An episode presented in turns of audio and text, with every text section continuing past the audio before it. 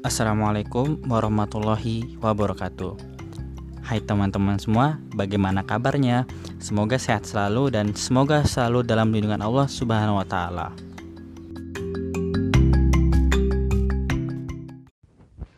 Selamat datang di podcast Aidin Stories.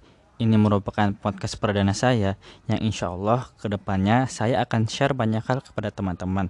Semisal saya akan share pengalaman pribadi yang saya rasa itu ada hikmah yang mungkin saja nanti bisa teman-teman ambil ataupun juga saya akan berbagi opini mengenai peristiwa-peristiwa yang sedang viral dan berkembang. Intinya di podcast ini kita akan berbicara mengenai banyak hal. Oke, dalam kesempatan perdana podcast ini, saya ingin sedikit berbagi kepada teman-teman terkait apa sih latar belakang hadirnya podcast ini.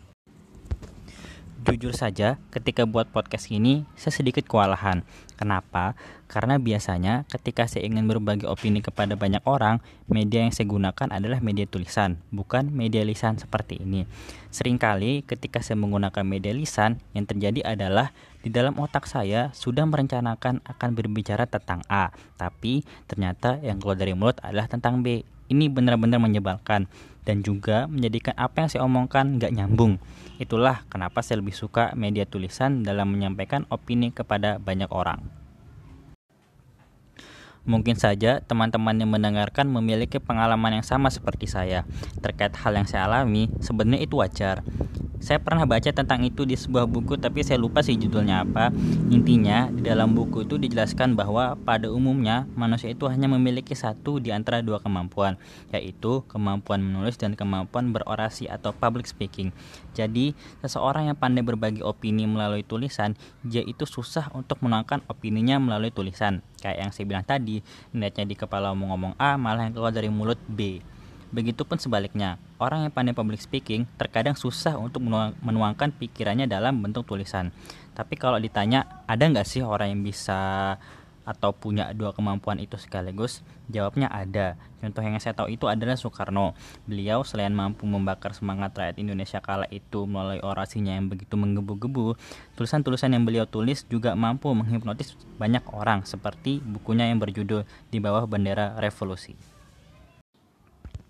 Tentu dari penjelasan buku tadi, saya sudah pasti masuk golongan orang yang pertama, yaitu golongan yang mengungkapkan ide melalui tulisan. Nah, tapi melalui podcast ini, saya pengen coba nih challenge sendiri saya untuk bisa menyampaikan ide melalui lisan. Walaupun ya sebenarnya buat podcast ini susah banget dan juga ribet. Maksudnya susah dan ribetnya itu seperti ini.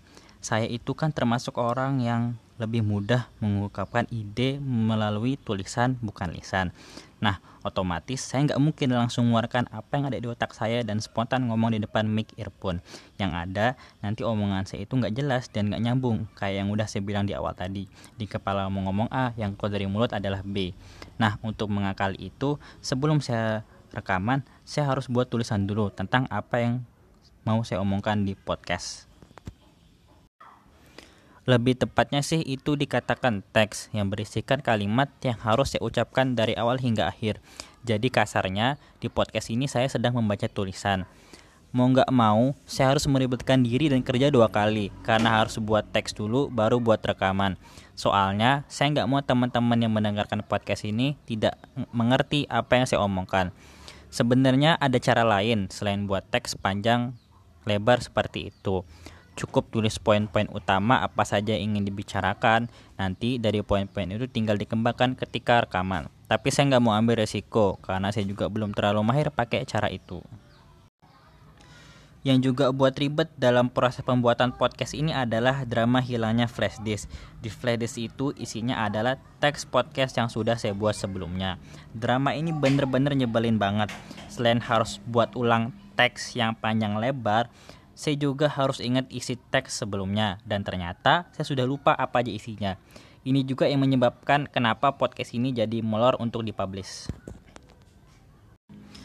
Selain alasan untuk challenge diri dan mencoba hal baru, latar belakang hadirnya podcast ini berawal dari perbincangan dengan sahabat menulis saya. Awalnya sebenarnya dia yang terlebih dahulu pengen buat podcast. Dia cerita ke saya kalau pengen buat podcast, cuma belum tahu kapan mau dibuatnya. Mendengar hal itu, tentu saya sebagai sahabat mendukung ide dia. Besoknya entah kenapa, saya jadi tiba-tiba kepikiran sama percakapan tentang podcast itu. Setelah lama mempertimbangkan banyak hal, akhirnya saya pun memutuskan untuk buat podcast ini.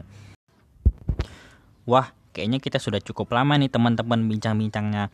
Saya rasa untuk podcast perdana ini saya cukupkan saja. Karena ini awal, jadinya kita kenal-kenalan dulu aja. Insya Allah di episode mendatang, saya akan berbagi pengalaman kepada teman-teman terkait work from home yang saya rasa sudah mau sebulan atau lebih deh kayaknya ya. Nanti di sana saya akan berbagi cerita suka dan duka selama work from home. Penasaran? Makanya pantengin terus podcast Aidin Stories.